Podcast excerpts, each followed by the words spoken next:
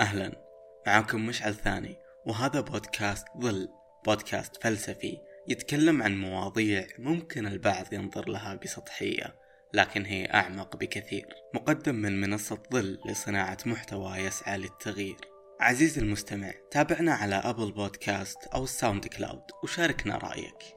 هذه الحلقة بعنوان الحلم. كم شخص في حياتك تعرفه مجتهد وعنده حلم يحاول يحققه؟ 24 ساعة يشتغل ويتعلم ويحاول يطور من نفسه. ما يعترف بالصعاب يحاول يعمل جاهد للوصول للحلم للمكان اللي يطمح له. ممكن الآن طرى على بالك أحد تعرفه أو ممكن هذا الوصف لك أنت. الأحلام جميلة وتصنع دوافع لحب الحياة لكن نفس هذه الدوافع والآمال ممكن تكون سبب لكره الحياة. حتى وإن وصلت لها. تخيل معي هذا المشهد. أن الحياة حديقة كبيرة جدا وفيها من الخيرات والجمال الكثير. وحلمك واقف في نهاية الجانب الآخر من الحديقة. من الطبيعي أنك راح تبدأ ركض. تركض بسرعة تبي توصل لحلمك. حتى ولو تسقط وتجرح راح تكمل ركض بجهد متواصل إلى ما توصل لحلمك. توقف بعد الوصول تستريح شوي تبتسم تاخذ نفس وتشعر بنشوة الإنجاز وسعادة الوصول للحلم.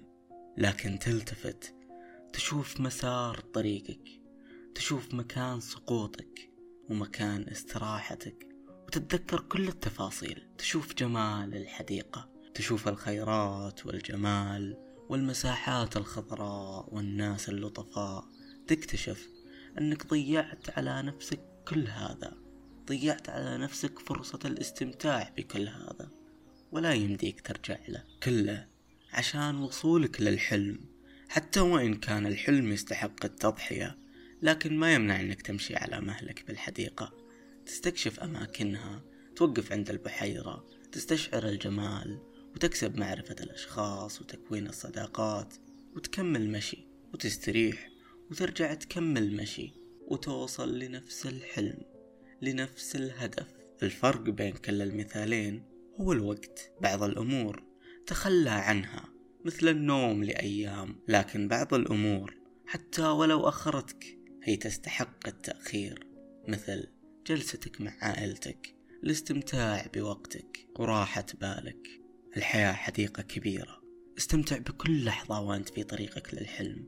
ولا توصل لحلمك وأنت منهك. قد تكون وجهتك جميلة وقد يكون الطريق إليها أجمل بكثير.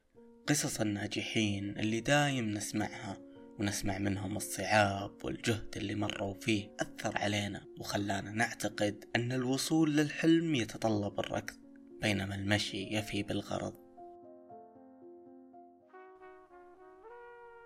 عزيزي المستمع شارك الحلقة مع من تعتقد أنه يحتاجها وقل لنا رأيك أنت. قدم الحلقة لكم مشعل ثاني.